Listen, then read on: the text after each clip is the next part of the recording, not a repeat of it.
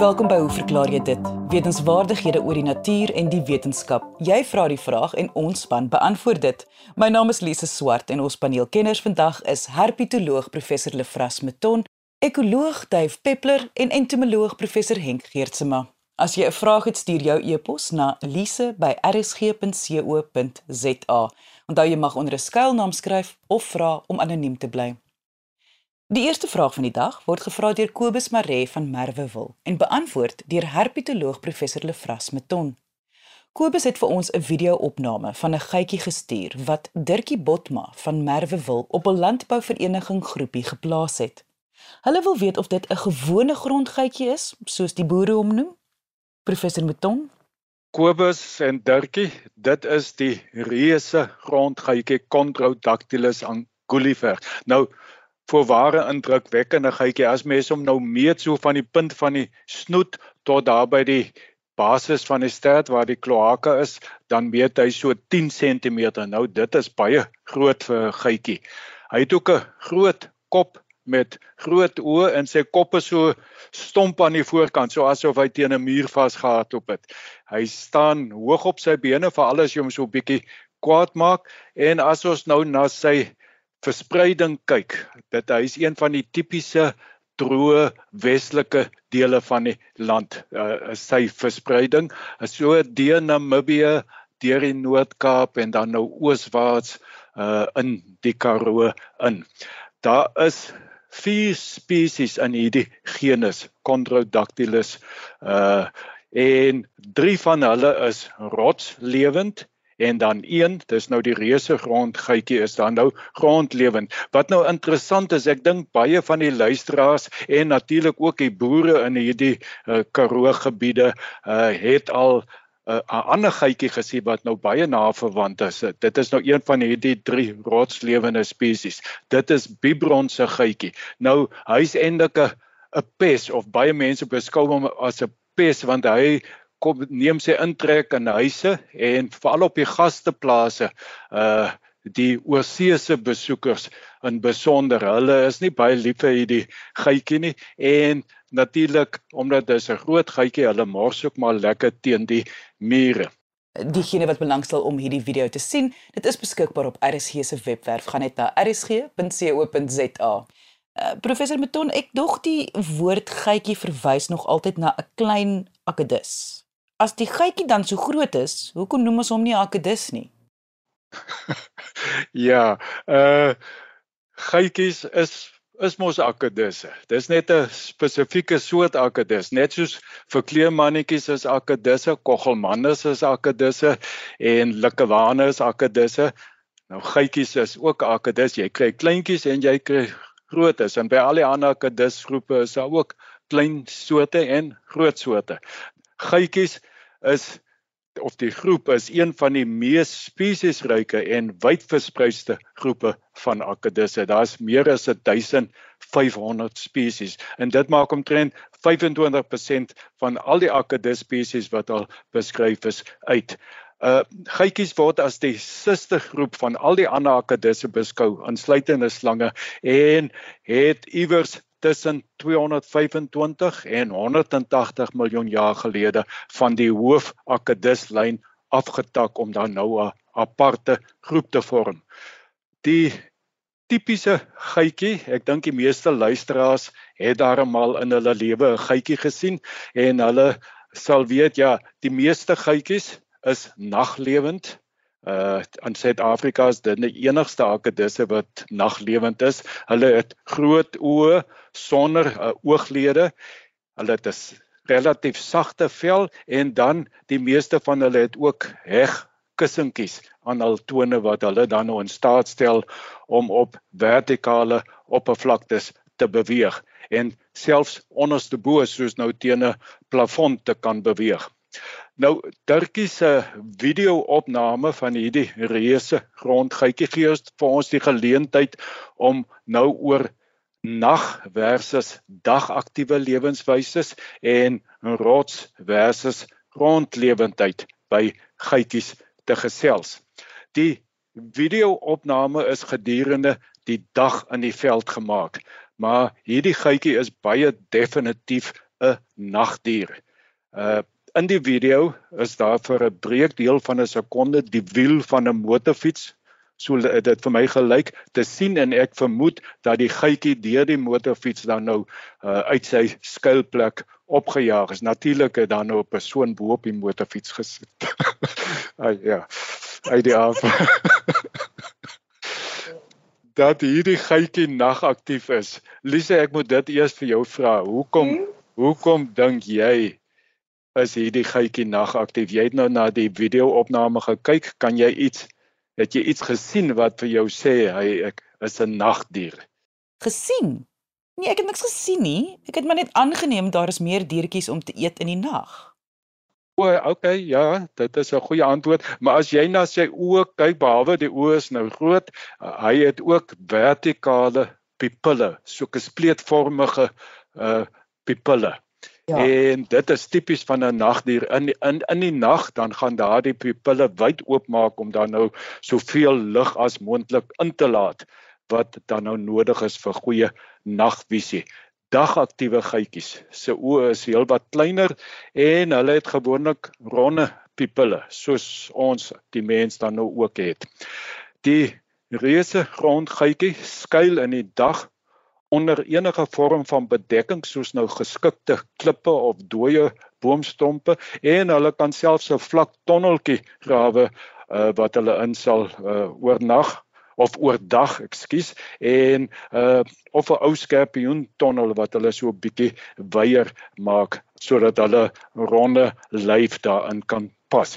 In die aand kom hy dan nou uit en hy loop dan rond op soek na insekte soos motte, termiete en kewers, maar hy sal ook klein geitjies eet. Elke aand vind hy dan nou vir hom 'n nuwe skuilplek. Nou so 72% van alle geitjies is nagaktief. Hulle is nagdiere en daar word vermoed dat hierdie lewenswyse vroeg in die evolusie van geitjies ontwikkel het, waarskynlik as gevolg van kompetisie met ander daglewende akedisse. 'n Mens kan dit vergelyk met die vroeë soogdiere wat almal ook nagaktief was terwyl die dominante groep die dinosourusse dagaktief was. Dis eers toe die dinosourusse uitgesterf het dat baie soogdiere dag aktief geword het. Vir akkedisse is daar baie uitdagings om in die nag aktief te wees waarvan lae temperature en swak ligtoestande seker die belangrikste is. Maar daar is ook sekere voordele eh, behalwe nou vir die verlaagde kompetisie met ander akkedisse, daar's daar ook ander voordele. Baie ongewerveldes soos insekte is byvoorbeeld ook nagaktief En dan 'n belangrike ding, in die nag is daar baie minder predatore as in die dag. Want die meeste voëls, is mos nou maar net uile wat nagaktief is. Die meeste voëls en baie van hulle eet akkedisse is dagaktief. So daar's regtig baie minder predatore uh wat op geitjies sou kon voed in die nag.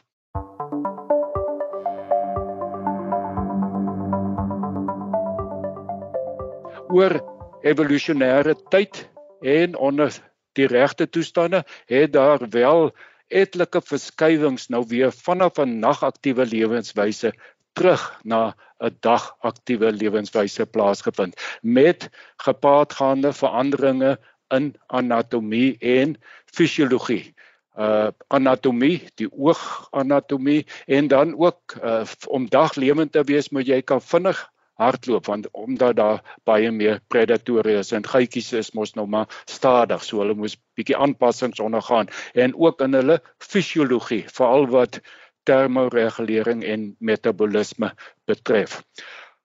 'n Mens kan dit nou nie mooi in die video sien nie, maar alhoewel die tone van die van die reuse geitjie by die punte effens verbreed is, besit hierdie geitjie geen hegkussentjies nie. Dit is 'n baie duidelike aanduiding dat hierdie geitjie grondlewend is. Hegkussentjies sal mos nou net 'n beslommenis wees in losgrond of in sand. Ek moet sê ek het almal baie keer gesien hoe Bibron se geitjie, dit is nou een van die klipbewonende spesies in die genus, wanneer hy oor sand beweeg, dan uh lig hy of slaan hy die punte uh, van die tone met die hegkussentjies op na agter toe oor sodat die kussentjies nou na bo wys en dan beweeg hy sommer heel lekker oor die sand.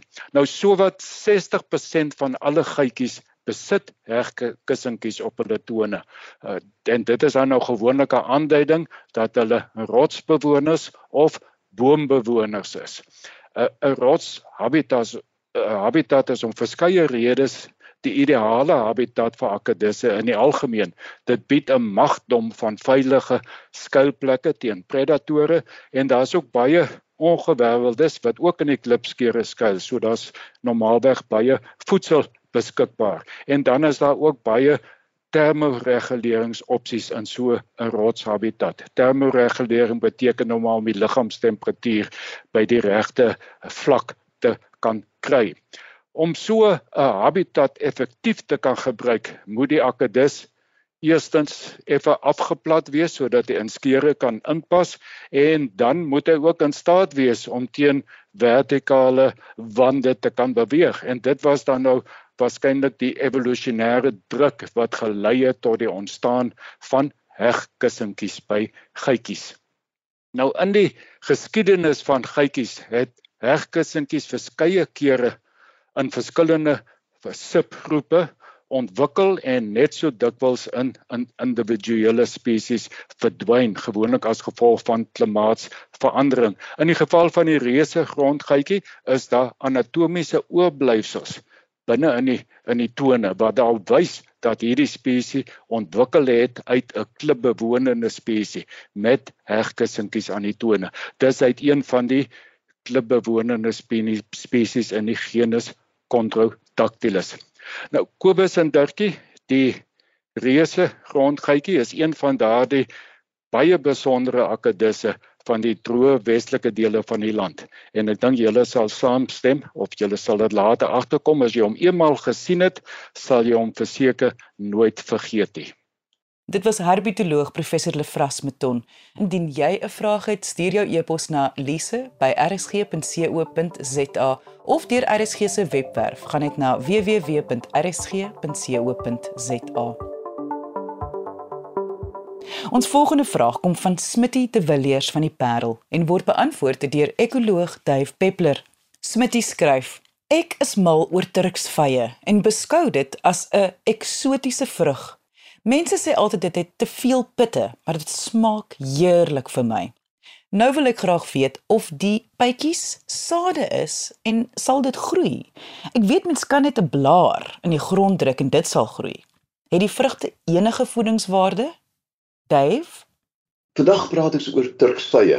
Eintlik hintameleki as mens nou so 'n dubbele entendre mag maak. Nou ja, tuine in dorpe in droë gebiede van Suid-Afrika kan ek jou byna waarborg het altyd 'n turksvy in. 'n uh, mens kyk uh, na die lang paaie tussen dorpe in die Karoo en daar teen die teen 'n uh, 'n windpomp staan 'n turksvy. Dit is 'n deel van ons geskiedenis as boerwees self. Reeds in 1830 is turksvye hier ingevoer en het bekend gestaan as Turkische vygen in die Hollands al klare vergryp want hierdie plante kom uit Suid-Amerika en nie Turkye nie. Nou ja. Uit die staanspoor het almal natuurlik die kat by die knaters beet gehad en gedink hierdie uh, plante kom uit Europa, maar hulle was veel vroeër hier in die 1300s 1400s reeds in Europa ingevoer. Die plant op Tunia die Turksvy genus van blomplante wat uh, behoort aan die familie Cactaceae en die bekendste een is Optunia ficus indica. Dit is die heerlike eet Turksvy. Dit is 'n uh, uh, plant wat baie groot kan word uh, met 'n versameling segmente, hierdie groot blare en hulle kan 5 tot 7 meter hoog word, 'n uh, kroon van 3 meter uh, omtrek en 'n onderstam van wat dikker as 1 meter kan wees. Die blare is natuurlik staan bekend as Cladodes en hulle kom voor met of sonder stekels afhangende of hulle veredel is of nie. Die blomme van Turksvye is vir my besonder mooi. Hulle is kleurvol, mens kry pragtige geeles en oranjes, groot blomme, tweeslagtig en het lang prominente stuifmeeldrade. Wat wel interessant is, as jy die stuifmeeldrade stimuleer, buig hulle outomaties. Binne soos daai klein varingplantjies wat so opvou as jy aan hulle raak. Nou ja, um, as jy mens kyk na die ekologie van hierdie plant, hulle verkies sagte winters, hulle is nie te lief vir ryp nie. Uh droë somers, vlak grond, maar hier kom die groot maar. Hierdie plante het 'n reuse, reuse kapasiteit vir indringer. Ek is verbonde aan die sentrum vir indringerbiologie en ek het dit al van tevore gesê, maar net weer. Indien 'n mens 100 plante van een land na 'n ander sou verplaas, veral oor kontinente heen, sal 10 van hulle aanhou groei, maar 1, 1%, 1 uit die 100 word 'n probleem en daardie een is die Turksvy. Hulle kom uit Sentraal-Amerika, veral Mexiko en is reeds in die 1500s na Europa gedra. Laat 1700s eh, was hulle reeds in Australië en hier het die indringerpotensiaal van hierdie plant na vore gekom en voor hulle hulle oë kon uitvee was daar meer as 200 000 vierkante kilometer totaal ingedring deur hierdie plante. Uh in goeie jare as daar genoegsaam reën is, kan die verspreiding tot 400 000 hektaar per jaar wees. 'n Toename. Hulle groei teen 'n ongelooflike tempo. Die sade word natuurlik versprei deur 'n hele aantal uh, organismes, bokke, bobbejane, voëls en natuurlik ook mense wat die saad uh, die die vrugte eet, die saad ontlas waar dit dan weer kan groei. Hulle is nie baie voedsaam nie, bestaan uit 99% water, 10% koolhidraat en minder as 1% proteïene, maar het hoë vlakke van Vitamiin C en kalsium. Die van ons wat uh, Turksvy ken sal ook weet dat 'n vreemde klein dopluisie op hom voorkom met die naam van Dactylopus cursicus En as jy dan hierdie plantluis tussen die vingers vryf, kry jy die ongelooflikste mooi knalrooi kleur en hierdie kleur staan bekend as karmyn. Is dit nie 'n pragtige woord nie? Dit is 'n kleurstof wat gebruik word om uh, uh, kledingstowwe mee te kleur, maar ook veral in kosmetiek en in eetgoed. En deesdae is dit werklik baie gewild omdat mense probeer wegbeweeg van kunsmatige kleurstowwe. Die grootste produsente is Peru en Chile en groot plantasies kom daar voor. In Suid-Afrika word dit nie net geëet nie, maar is ook bekend as 'n noodweiding ry maar na ons dorre noordweste toe, ry deur die Karoo, dan sien jy saam met die Turksvy altyd 'n lappie ou man soutbos en die vroeë boere het dit altyd geplant vir die droë jare waar die blare dan deur 'n hamermeel gesit is en aan die vee gevoer is. Maar ook in Suid-Afrika is hierdie plante 'n baie ernstige indringer en word natuurlik deur 3 biologiese metodes beheer. Die een is die bekende cochineal, karmyn en dan is daar ook 'n uh, kalander wat hulle vreet en ook 'n mot waarvan die wurms dan in die blare uh voorkom en die plant dan so vernietig. Juist as gevolg van hulle doringerigheid of stekelerigheid het hierdie plante 'n ekologiese voordeel en dit is waarom hulle kan indring. Waar diere noodgedwonge die plante eet, kom die um doringkies dan in die lippe voor en dit kan ontsteking veroorsaak. So dit is eintlik 'n tweesnydende swaard. Dit is noodvoeding, maar ook kan baie gevaarlik wees om die dier se se bek uh, baie ernstig te belemmer. Nou ja, um hierdie drie metodes van die die die cochineal, carmine die kalander en die wurm hou Suid-Afrika se bevolkings onder beheer. Maar nou kom ons by die vraag, kan ons hulle van saad kweek? En die antwoord is ja, maar dit is 'n aangepaste ja. Indien jy wil turksvye van saad kweek, natuurlik om 'n om 'n blaar in die grond te steek is veel makliker. Moet jy van 'n baie ryp vrug die saad pluk en die saad dan baie goed was, ordentlik uitdroog en dan in 'n ligdigte flessie vir ten minste 'n jaar stoor en dan begin hulle ontkiem. So luisteraar, ja, turksvye is baie lekker, maar turksvye is ook baie gevaarlik in terme van indringer. Um ek onthou natuurlik Lise as kind hoe jy tuin toe gestap het met 'n bloekomstok vooraan met draad vasgebind 'n klein konfytblikkie en dan het jy die turksvy daarin gewikkel, die stok heen en weer uh, gewikkel en die turksvy het ingeval. Die is dan in 'n emalje uh, kommetjie gegooi en dan het jy baie baie versigtig gaan sit op 'n skadu plek en met twee vurke die skil van die turksvy afgehaal. Dadelik yskaste jy het hom nooit so warm van die boom af geëet nie en dan na ure wat stap jy terug en groen ambrosia wag vir jou op die bord. So, onthou tog asseblief dat turksvy is baie lekker en 'n klein mate gesond, maar hou hulle dop want hulle kan ernstig indring. Jy luister na Hoe verklaar jy dit op RSG? En dit was ekoloog Dave Peppler. Ons skitsvraag van die dag word beantwoord deur entomoloog professor Henk Geertsema. Uit my argiewe duik 'n vraag van 6 April 2020 op van Thea Thiele van Victory Park in Johannesburg. Sy skryf ons het onlangs verhuis en twee onbekende goggas in die nuwe woonplek raakgeloop. Sy beskryf die eerste gogga as rooi en lyk op die oog af op 'n miniatuur garnaal. Dit het meer as 10 pote met 'n liggaamslengte wat wissel tussen 5 en 10 mm. Sy het nog geen lewende eksemplaar gesien nie, maar vee telkens 'n dosyne wat as sy die vloer vee. Die gedeeltes het begin maart verskyn. Die tweede gogga was al teenwoordig in Januarie. Dit sien die mure vas, veral in die badkamer.